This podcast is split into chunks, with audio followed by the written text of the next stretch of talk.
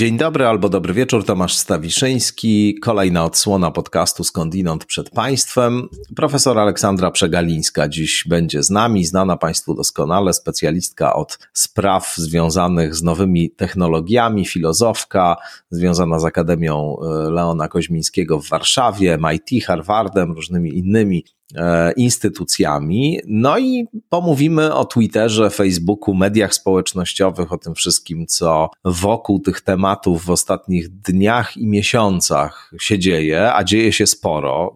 Głównie za sprawą Ilona Maska, który kupił Twitter, no ale też będziemy rozmawiali o przyszłości Facebooka, metaversum. Dużo różnych wątków ciekawych, myślę, w tej rozmowie się pojawi. Tradycyjnie bardzo dziękuję wszystkim patronkom, patronom, wszystkim subskrybentkom, subskrybentom. Dzięki dla firmy Strategy Wise, ekspertów e, do spraw komunikacji, którzy są rekordowymi patronami e, podcastu Skądinąd na, na portalu Patronite właśnie.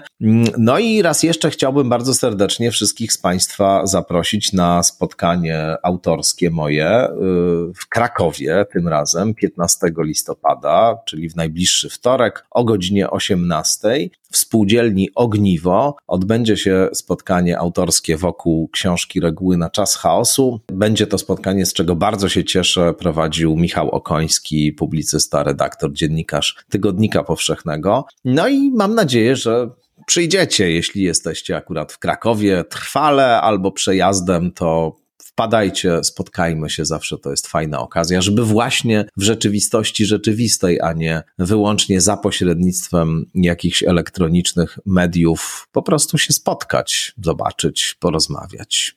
Ja będę książki podpisywał oczywiście, no i mam nadzieję na ciekawą rozmowę, bo przecież w tej książce e, sporo jest e, krakowskiego udziału, gdyby nie krakowskie wydawnictwo, krakowscy e, redaktorzy, czy właściwie krakowskie dwie redaktorki znakomite, no to w ogóle nie byłoby reguł na czas chaosu. Także do zobaczenia 15 listopada o 18 w spółdzielni Ogniwo w Krakowie, a teraz już zapraszam na rozmowę z profesor Aleksandrą Przegalińską.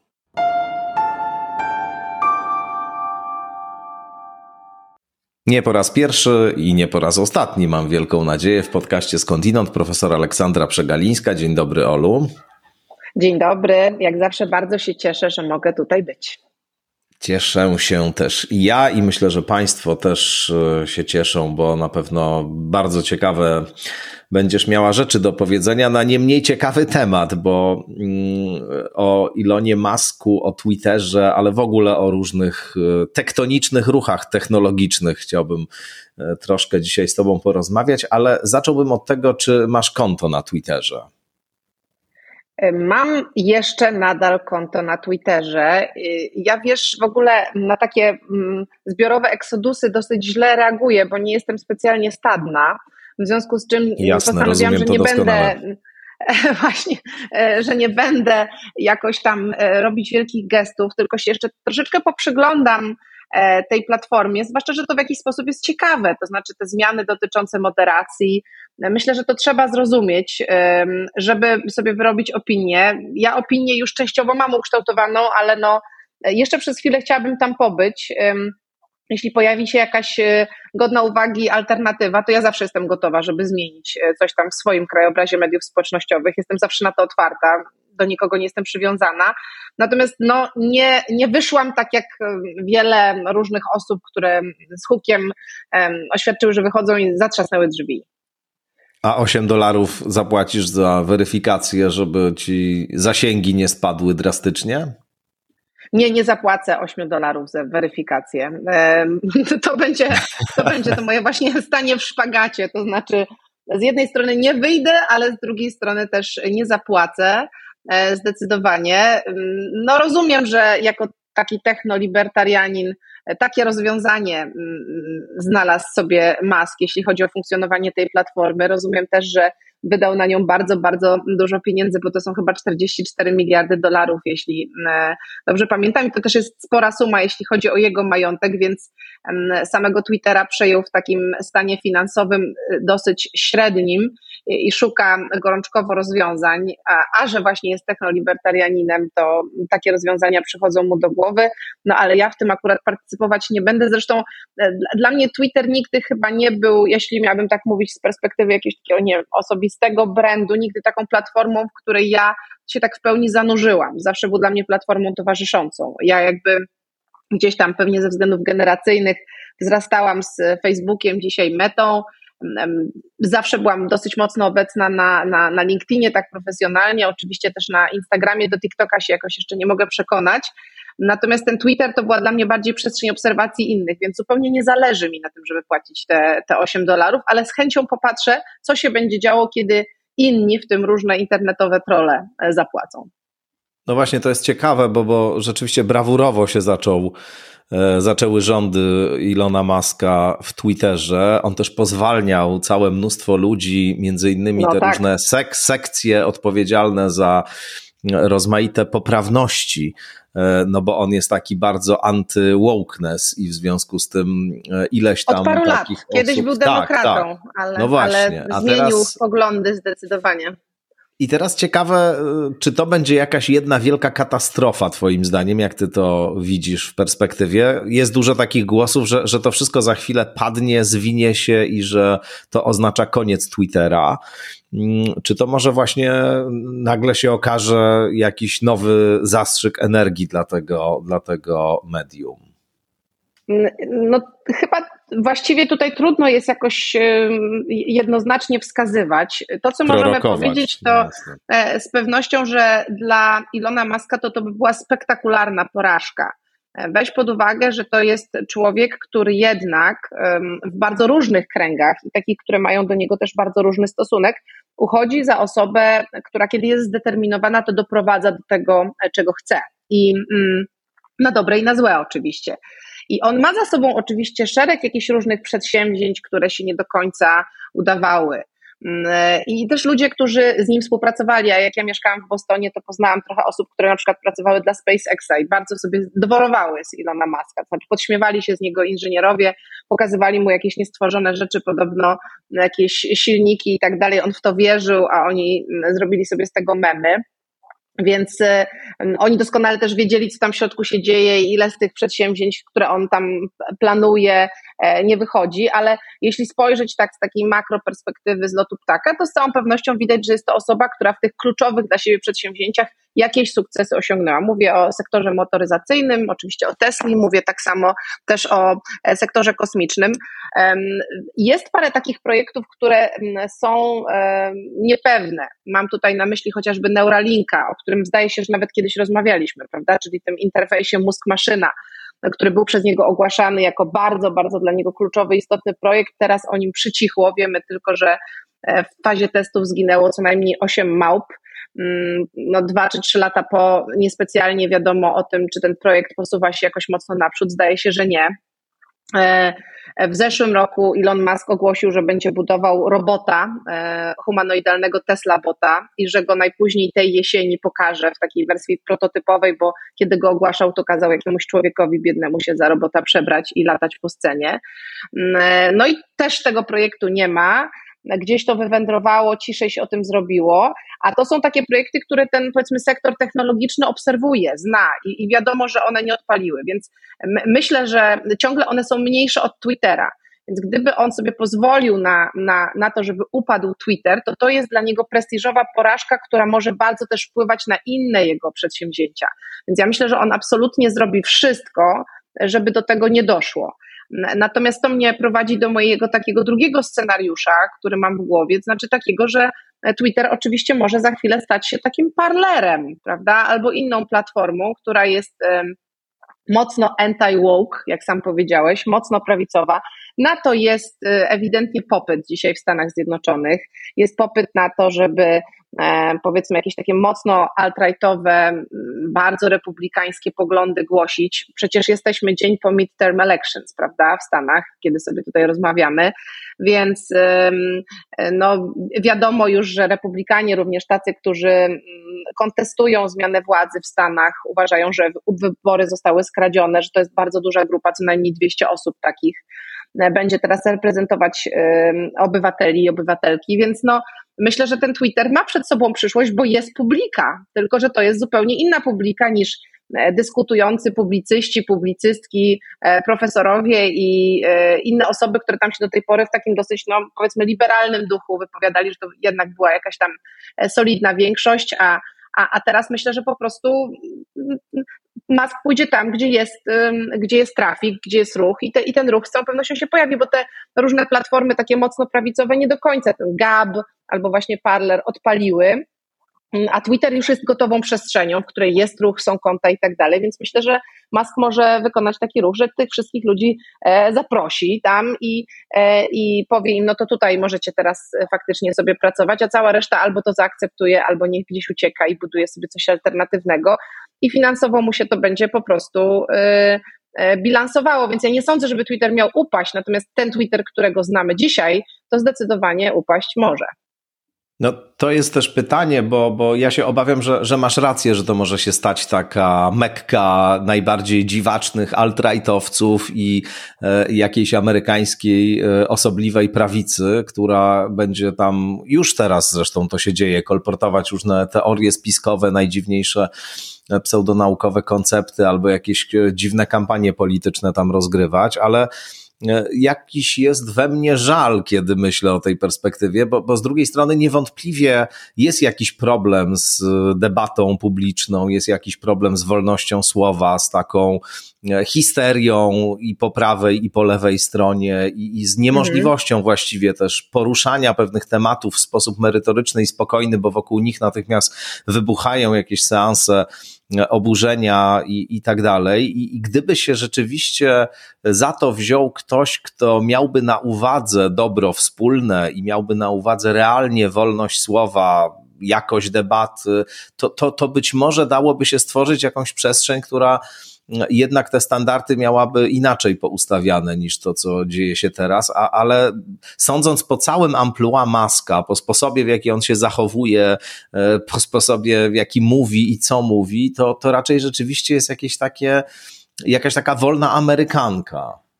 Tak, tak. No ja też wiesz, myślę, że on przechodzi pewną transformację, czy też przechodzi w ostatnich latach. Tutaj osoba, o której też wydaje mi się, że rozmawialiśmy, może mieć na to bardzo duży wpływ, czyli Joe Rogan, prawda? Joe Rogan to jest taki e, zupełnie niesamowity podcaster i um, no, można powiedzieć, entertainer amerykański, prawda, który tam ma jakiś swój taki show komediowy i tak dalej i on jest bardzo anti-woke, a jednocześnie w jakiś sposób jest, jest otwarty, jest pro-LGBT, ale ma zdecydowanie mocno republikańskie poglądy i ja widzę, że siła jego rażenia, jeśli chodzi o te zwłaszcza o, o, tych mężczyzn amerykańskich, trochę zagubionych, którzy mają sukcesy, ale nie wiedzą, gdzie się wyosiować tak ideowo, jak po prostu radzić sobie mm, z takim napływem pewnego rodzaju progresywizmu i tak dalej, że on jest, staje się dla nich taką wyrocznią, drugą obok e, zresztą Jordana Petersona, y, no taką można powiedzieć wątpliwą wyrocznią, e, ale wydaje mi się, że Joe Rogan miał bardzo duży wpływ na Ilona Maska, zresztą ma też ogromny wpływ na przykład na Lexa Friedmana, który jest e, też bardzo znanym podcasterem amerykańskim, który startował z takich bardzo demokratycznych pozycji, był postdokiem na MIT, czy też nadal jest, y, a, a, a potem zaczął stopniowo zajmować takie pozycje w centrum, a potem już zdecydowanie bardziej takie tęsknoty właśnie libertariańskie wyrażać i nie alt-rightowe, ale zdecydowanie bardziej po, po prawej stronie i wydaje mi się, że Musk, który wielokrotnie do Joe Rogana przychodził i to na takie długie sesje, zresztą nie wiem, czy pamiętasz, jedna była z marihuaną i była taka osławiona przez to, że on prawda tam palił. Oczywiście, tak. Trzygodzinne takie Wielki sesje, gdzie on się tam wyjawiał wielki, wielki skandal, ale też oczywiście wielkie poruszenie, które na pewno Maskowi dobrze zrobiło e, bo Musk lubi być ewidentnie e, widoczny, więc on gdzieś chyba te poglądy pod wpływem Rogana sobie skonsolidował, a jednocześnie spodobało mu się bycie znanym. No często myślimy, że wielki biznes chce być cichy, w jakiś tam sposób. No nie jest to case Maska. No, Musk, zresztą też niedawno sobie na ten temat czytałam, bodajże w New York Timesie, to jest człowiek, który no, przez pewien czas chciał po prostu prowadzić swoje biznesy. Dzisiaj zdecydowanie chce się wypowiadać. Ten Twitter stał się dla niego taką przestrzenią, E, której najchętniej się wypowiada, najlepiej, tak chyba mu się wydaje, że ją czuje, on się w tym pławi, no i chce, żeby tak e, po prostu nadal było. On do 2012-2013 roku, jak już miał zresztą SpaceXa, to wypisywał na tym Twitterze, że idzie na lunch, albo właśnie idzie na gimnastykę, albo cokolwiek takiego i tam mu ludzie coś lajkowali. Natomiast potem, no, stopniowo coraz bardziej stał się osobą, która przez, e, przez Twittera na opinię publiczną wpływa, na rynek również, na giełdę, powiedzmy sobie szczerze, wpływa pisząc różne rzeczy o Tesli, o SpaceXie i tak dalej, trochę spekulując akcjami. No a, a, a potem jeszcze, kiedy wydaje mi się nawiązał też ten kontakt z Joe Roganem, to stał się osobą, która też wyraża tam takie jawnie polityczne e, poglądy, e, ewidentnie bardziej prawicowe i zdaje się, że to, co skonsolidowało jego decyzję w ogóle o zakupie e, Twittera, to było to, że zdjęto jakiś portal, który bardzo go bawił, to znaczy taki prześmiewczy, taki rechot e, z, e, z lewicy, lechor, lechot, rechot z progresywistów, z różnych tam senatorów czy senatorek amerykańskich, którzy mają bardziej takie demokratyczne poglądy i to zostało zdjęte ze względu na bodajże ksenofobię czy cokolwiek takiego i on się wtedy zdenerwował i stwierdził, że to już nie jest ten Twitter, który jego bawi, że on nie może sobie właśnie w takim, takim duchu, jak to mówią Amerykanie, fratboy, prawda, czyli takiego chłopaka, e, który jest w koledżu i należy do jakiejś tam stowarzyszenia Phi Beta Kappa, że on nie może takich żartów sobie już tam robić i że jest za bardzo, za bardzo ocenzurowane wszystko w związku z tym, że on te zakupy zrobi. I część osób wręcz uważała, że to jest taki zakup trochę sentymentalny, że go stać na to, żeby odkupić sobie taką wersję, jaka mu się podobała tego Twittera. No ale inni z kolei mówią, no, że to chyba nie wystarczy, Wprawdzie może jest duża grupa, która e, też by cieszyła się z takiego Twittera, ale że jednak trzeba iść jakoś do przodu, również finansowo i że to nie może upaść. W związku z tym on musi zrobić wszystko, co się da, tym wzmiankowane przez Ciebie 8 dolarów opłaty, mm, żeby ten portal jakoś przynajmniej ekonomicznie postawić po prostu na nogi. I będzie teraz e, robił i te 8 dolarów jest do tego wehikułem. I tylko pytanie, jak, jak zareagują ci, którzy faktycznie e, za to dużo płacą, czyli na przykład reklamodawcy, czy reklamodawca ma ochotę, żeby wylewały się na niego wiadra pomyj bez żadnej moderacji, powiedzmy, również ze zweryfikowanych kont, bo teraz weryfikacja polega na opłacie, tego nie wiem, prawda? Jak zareagują ci, którzy do tej pory chcieli być widoczni na, na, na Twitterze, te firmy, te organizacje, czy będą chciały tak e, hojnie za kampanię tam płacić, a to był bardzo duży, taki, można powiedzieć, no, strumień przepływów finansowych dla, dla, dla Twittera. Nawiasem mówiąc, te 8 dolarów to miało być najpierw 20 dolarów i była taka wymiana na Twitterze pomiędzy Maskiem a Stephenem Kingiem, bo Stephen King napisał fuck you, to ja odchodzę, nie będę płacił 20 dolarów, w ogóle pocałuj mnie, e, etc. Na co mm, z właściwą sobie napisał taką bezpośredniością Stephen King, a a, a, a na to się odezwał Musk i zaproponował mu 8 dolarów właśnie, więc chyba się te 8 ostatecznie przyjęło, no, bo pierwotnie... kupiecka jakby sytuacja, no to tutaj wychodzi jednak tak, Musk tak. zdecydowanie kupiec, muszę powiedzieć, a, tak, a nie tak. taki fratboy, co się, co się rozbawia memami, które wyśmiewają Hillary Clinton, czy, czy nie wiem, Alessandra Ocasio-Cortez, tudzież inne osoby, no bo on chyba ma dwie odsłony co najmniej, no ta, ta pierwsza, jak rozumiem, pozwala mu jakoś funkcjonować w biznesie, a, a ta druga to jest ta, którą odkrył na, na Twitterze, dzięki której dostaje dużo lajków, prawda, się pod, podoba się też jakby różnym ludziom, zwłaszcza młodym mężczyznom. Ja naprawdę mam wrażenie, że to jest jakaś taka, wiesz, wspól, wspólna pewnego rodzaju formacja ideowa. Ten Rogan, Peterson, teraz Musk, jeszcze parę innych osób, to jest, to jest jakaś grupa ewidentnie, która się w tych swoich poglądach wzajemnie wspiera i tam się znakomicie też na tym Twitterze zaczęła w związku z tym czuć. Można było sądzić e, przez długi czas, ciekaw jestem jaka jest Twoja opinia w tej kwestii, że Twitter to jest takie idealne medium na nasze czasy. Tam są takie bardzo krótkie komunikaty, zresztą dyskusje na Twitterze e, są chyba najbardziej agresywne i, i te fale oburzenia i hejtu przetaczające się przez Twitter są najbardziej ekstrawaganckie, jak sądzę, właśnie z tego powodu, że on e, tam się operuje taką niewielką ilością znaków. Z drugiej strony właśnie nie wiem na ile to jest medium, które nie wiem, no tylko na pewnym etapie święciło popularność i to raczej w wąskim gronie, bo ono stosunkowo ma niewiele użytkowników przecież w porównaniu, nie wiem, z Facebookiem czy, czy Instagramem. I właśnie, czy nie jest tak, że ta szala się przeważa na rzecz y, mediów społecznościowych, gdzie operuje się już prawie wyłącznie obrazem? Właśnie jak TikTok, jak Instagram. Słowa są już trochę passé. No wiesz, wydaje mi się, że tutaj chyba trzeba mierzyć y, dwie rzeczy. To znaczy, jedna jest taka, że rzeczywiście E, Twitter to jest medium relatywnie bezwysiłkowe. Wystarczy coś napisać. Nie trzeba tego mm, jeszcze opatrywać jakimiś memami, e, prawda, robić wideo, się tam starać. Ja znam osoby, które dosyć profesjonalnie na przykład działają na TikToku i te osoby muszą przez pół dnia montować no, 30-sekundowy filmik albo 10-sekundowy filmik, żeby to działało. Nawet osoba, która chce tak zupełnie e, swobodnie korzystać, bez, nie wiem, takiej intencji, żeby na tym robić pieniądze, ale z takiego TikToka czy Instagrama też się musi postarać, jakieś tam zdjęcia wykadrować i tak dalej. Ten Twitter jest relatywnie bezwysiłkowy, w, w tym sensie ma niskie bariery wejścia. Z drugiej strony jest właśnie, tak jak sam powiedziałeś, dla dosyć specyficznej grupy, głównie właśnie publicystyczno-dziennikarskiej, tak trochę też celebryci, e, politycy, polityczki i tak dalej. Mm, I w tym sensie on jest bardzo ważny, bo to jest medium, które było bardzo istotne z punktu widzenia kampanii prezydenckiej, na przykład Donalda Trumpa i w ogóle całej jego prezydentury.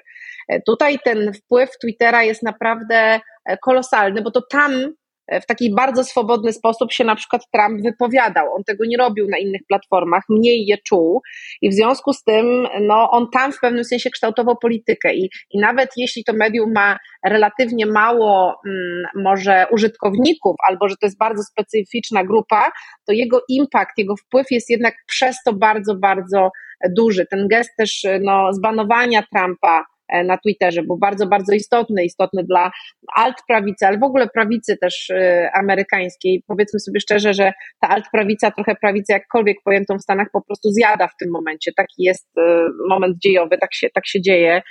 Można o tym długo rozmawiać dlaczego, ale ten Twitter tutaj jest bardzo symboliczny, jest bardzo, bardzo istotny i mnie się nie wydaje, żeby Twitter miał jeszcze jakieś strasznie długie życie przed sobą, ale na pewno mógłby jeszcze funkcjonować. Najmłodsza generacja, generacja Z, czy tam alfa, teraz się mówi, jeszcze młodsza, oczywiście w innych kodach zupełnie operuje. Dla nich Twitter, na którym się pisze, w ogóle nie musi być ciekawym medium.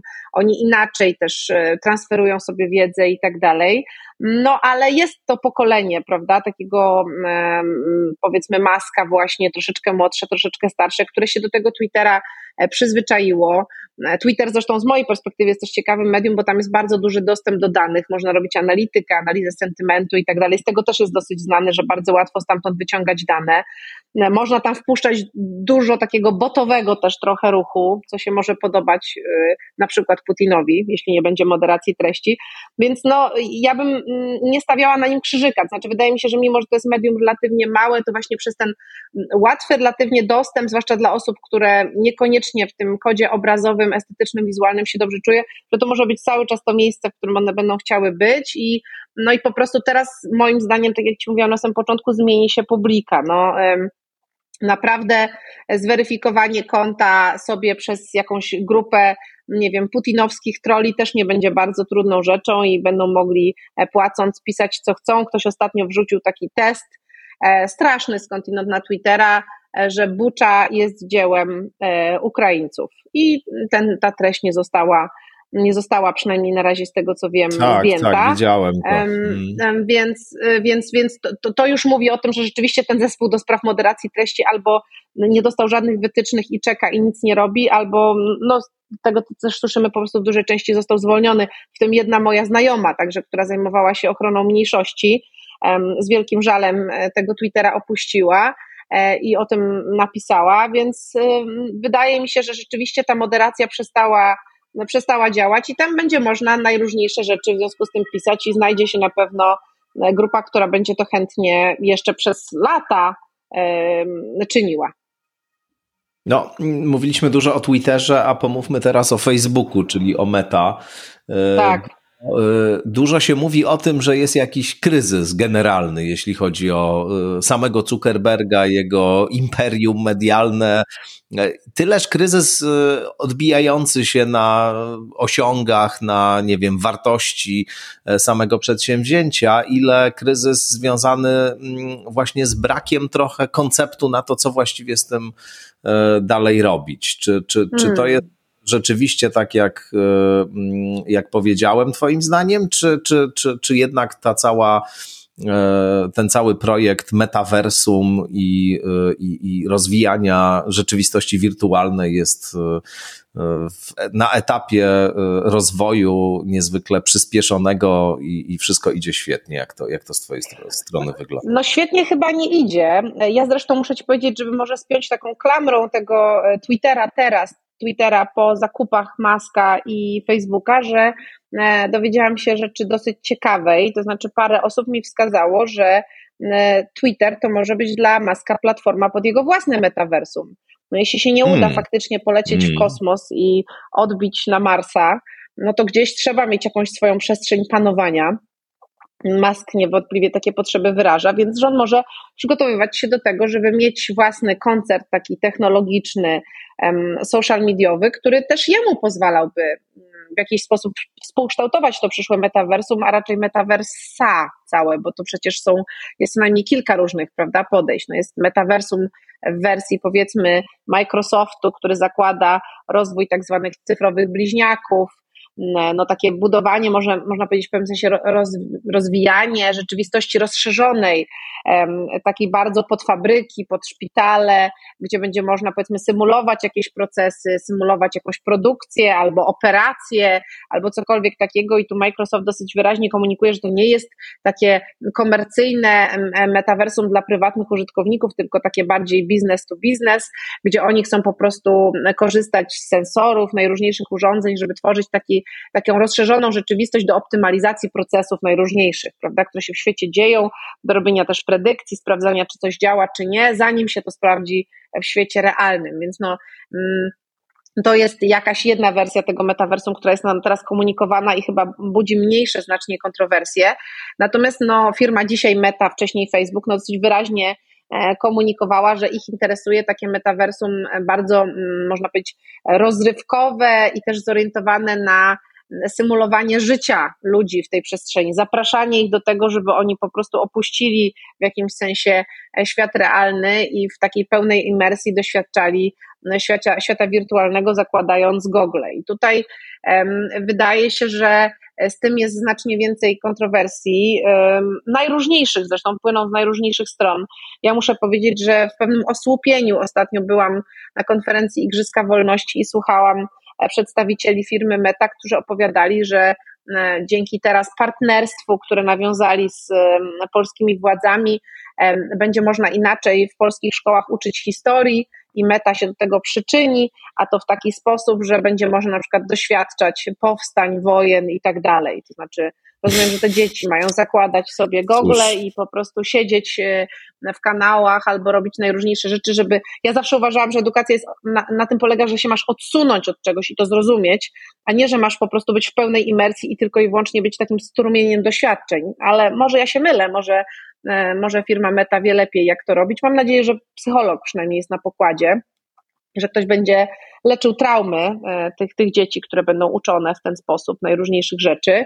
Więc rzeczywiście muszę powiedzieć, że wprawiło mnie to w zdumienie i pomyślałam sobie jako mama dziecka, że bardzo bym nie chciała, żeby moje dziecko brało udział w tego typu e, przedsięwzięciach, że jest to pożywka dla bardzo wielu tak autokratów tego świata, żeby w ten sposób e, ludziom robić pewnego rodzaju pranie mózgu, e, zwłaszcza małym ludziom, młodym ludziom, nieukształtowanym Znaczy też w ogóle, w ogóle powiedziałbym, że tu jeszcze jeden jest aspekt, przepraszam, że ci wchodzę w słowo, Jasne. problematyczny, związany właśnie z tym, że, że oto nagle edukacją i, i, i tym, w jaki sposób edukacja ma wyglądać, będą zajmowały się wielkie korporacje. No to jest trochę. Tak przynajmniej jeśli o mnie chodzi, problematyczna sprawa. Zwłaszcza, no, że też wiem, rozumiem, że... że może budować ministerstwo, no ale za, za to, żeby to dotarło tak, jak ma dotrzeć i tak. wpływało tak, jak ma wpłynąć, no już będzie odpowiadać istotnie, jak rozumiem, firma Meta.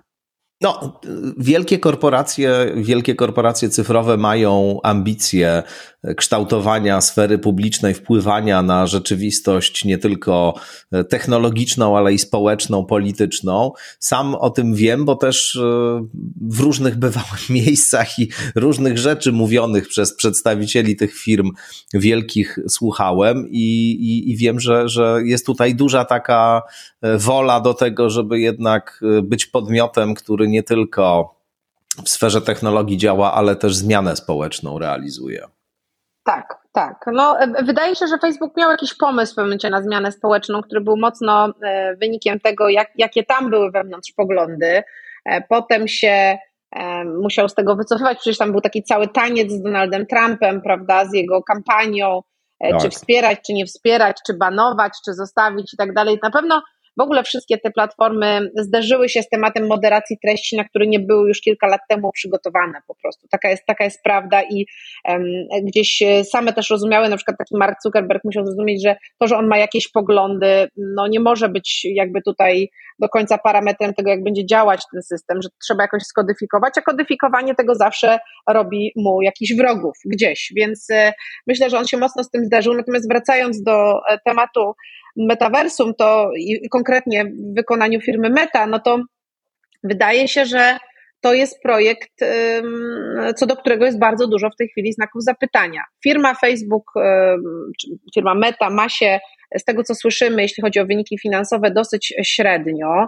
E, wprawdzie zarabia cały czas bardzo dobrze na Instagramie, no ale Facebook to już jest taką troszeczkę schyłkową platformą. Nie wiem, Tomku, czy też masz takie e, wrażenie, że tam się jeszcze trochę dzieje, tak, ale, ale oczywiście to nie mm. jest taka nie jest to języczek uwagi, prawda? To jest taki troszeczkę dinozaur już teraz w tych mediach społecznościowych. No, są jeszcze ludzie, którzy są do niego przywiązani, ale też coraz więcej osób szuka alternatyw, nawet e, tutaj w naszej, mojej generacji widzę, że jest sporo osób, które więcej uwagi teraz koncentruje na chociażby Instagramie, który akurat należy do tej samej firmy, albo szuka jeszcze gdzie indziej. E, w związku z czym wydaje się, że mm, no to nie jest taka bardzo przyszłościowa platforma i jak rozumiem ten, ten ruch w kierunku metaversum, czy też ogłoszenie, w sumie bardzo przedwczesne tak naprawdę tego metaversum, no bo tam jeszcze nic nie ma. To znaczy, to nie jest tak, że e, Mark Zuckerberg w zeszłym roku wszystkich zaprosił do metaversum, poczuł, otworzył jego wrota i wszyscy tam weszli, tylko nadal jesteśmy on hold. To było takie oczekiwanie, mówienie o tym, że e, prawda, to się, to się zdarzy, że budujemy, że ta wizja budowania tego metaversum w wykonaniu Zuckerberga, to nie wiem, czy oglądałeś to godzinne wideo na YouTube tak, tak opowiadające tak, o tym, jak to tam tak. będzie, prawda, jak będziemy sobie siedzieć w naszych biurach wirtualnych, które będą wyglądać jak nasze zwykłe biura, tylko będą tam powiedzmy ściany się świeciły i że będziemy takimi awatarami jak w Simsach i będziemy kompletnie się infantylizować i to będzie świetne. Tak. Albo że będziemy sobie, prawda, wirtualnie surfować, taka zapowiedź. E, w zasadzie trochę nie wiem, czemu taka wczesna. Ja to rozumiałam wtedy jako eskapizm, to znaczy, że jest kolejna fala problemów, którą Facebook ma i ucieka do przodu wizerunkowo, pokazując coś nowego. Mówi wszystkim, że w jakiejś perspektywie czasowej wygasi Facebooka, ale za to ma propozycję czegoś jeszcze bardziej atrakcyjnego. Natomiast za tym nie tak dużo poszło, taka jest prawda. To zresztą bardzo trudne, to znaczy w ogóle budowanie imersyjnych doświadczeń, budowanie wirtualnej rzeczywistości to jest szalenie trudne zadanie. Rzeczywistość wirtualna jest nam znana jako koncept, są pewne prototypy od lat 80. i ona nigdy nie odpaliła, bo tutaj trzeba już mierzyć się z fizjologią człowieka, E, trzeba mu budować doświadczenia, które będą się synchronizować z jego zmysłami. To jest bardzo trudne. To nie jest to samo, co napisanie kilkunastu znaków gdzieś, prawda? I to nie jest to samo, co nagranie filmiku. To jest zupełnie coś innego. Do takiego świata trzeba budować szalenie obszerny content. Pomyślmy sobie tak, tworzenie jednej gry takiej imersyjnej, jak chociażby CD Projekt, prawda, robi, e, trwa latami, a tutaj mówimy o zbudowaniu całego uniwersum, więc mi się wydaje, że to była taka bardzo przedwczesna zapowiedź, która miała troszeczkę powiedzieć, że firma jest żywa, że dużo się dzieje. Zresztą, jeśli mogę tylko zrobić małe odniesienie do tej konferencji, na której byłam, to znowu usłyszeliśmy od przedstawicieli e, Mety tam, że jeszcze nie ma tak naprawdę reguł dla tego, dla, dla tego konceptu, jak to ma działać, ten, to metaversum, że to jeszcze dopiero jest w fazie początkowej, że zobaczymy i tak dalej. Więc no, jeśli rok później słyszymy, że zobaczymy, no to to jest projekt bardzo mocno odsunięty w czasie. Trzeba się tu zastanowić, no, czy e, ludzie, którzy dzisiaj są w stanie spędzić w tych goglach, pocąc się, prawda, mając taką wielką półkę na twarzy, maksymalnie tam 15 minut, pół godziny, czy oni tam będą chcieli faktycznie spędzać czas, jeśli to będzie realizowane na takim e, sprzęcie i z tak na razie jeszcze ubogim cały czas kontentem.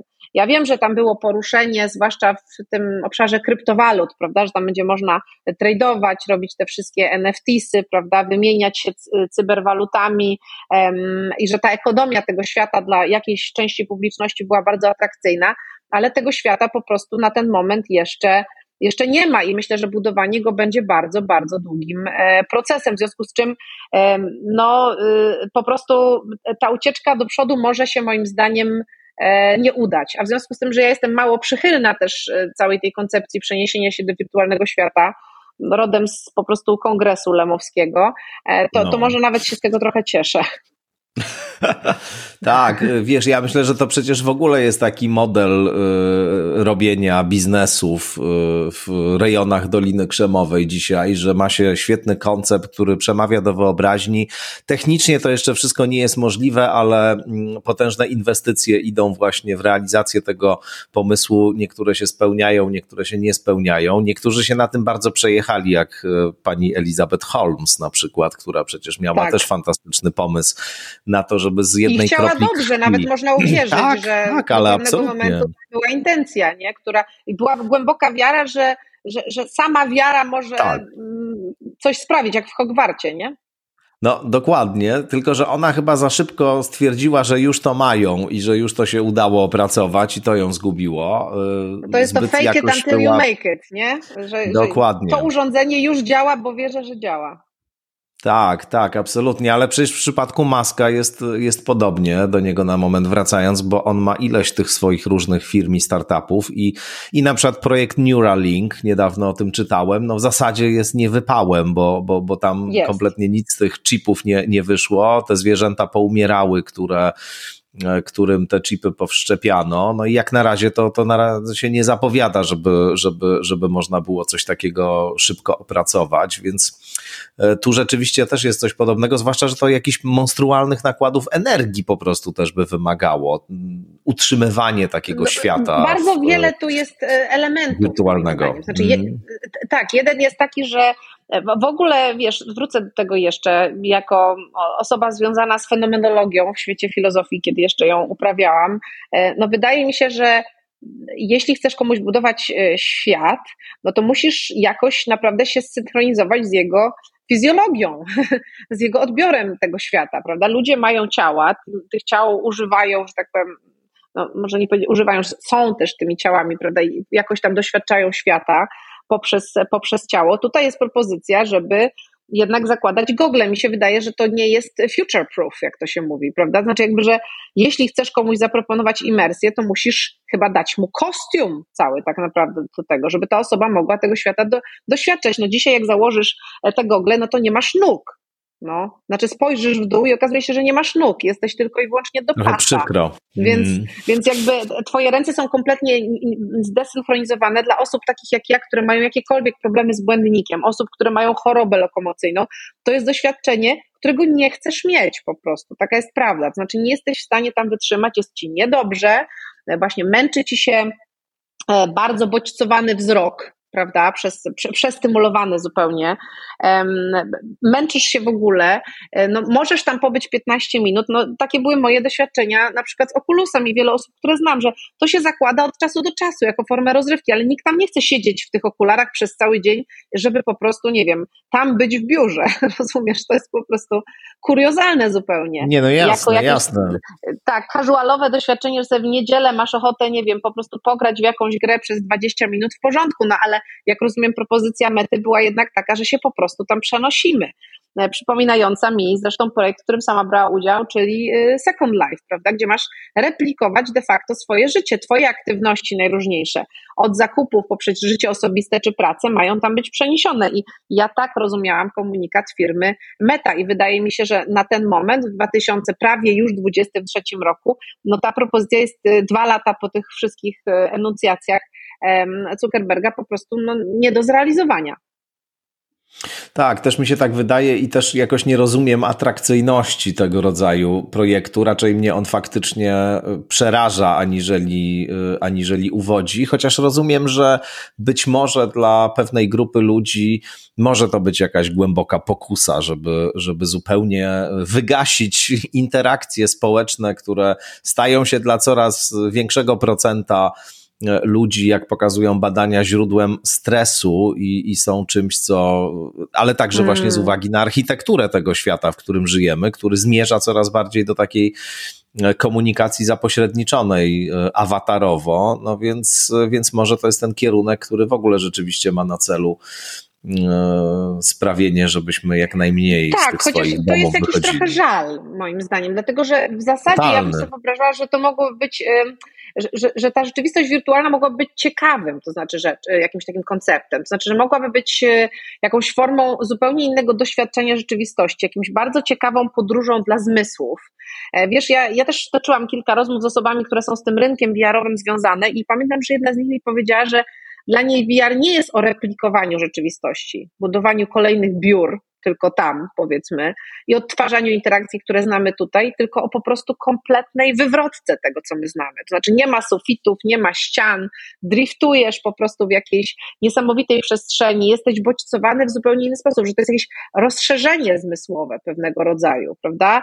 Że to jest propozycja jakichś nowych praktyk e, artystycznych, estetycznych, że to jest po prostu nowa przestrzeń doświadczeń, że to jest wręcz przestrzeń taka psychodeliczna potencjalnie dla takich osób. I no, to się wydaje jakoś jakoś tam może i e, ciekawe. Natomiast, no, no, tak jak mówię, to, co komunikuje firma Meta, to, to jest zdecydowanie pomysł na budowanie przede wszystkim ekonomii, prawda, i spieniężanie ludzkiej aktywności tam i powiedzenia, powiedzenie ludziom, dobra, już się nabyliście na Facebooku, nalajkowaliście, naklikaliście, to chodźcie teraz tutaj, prawda?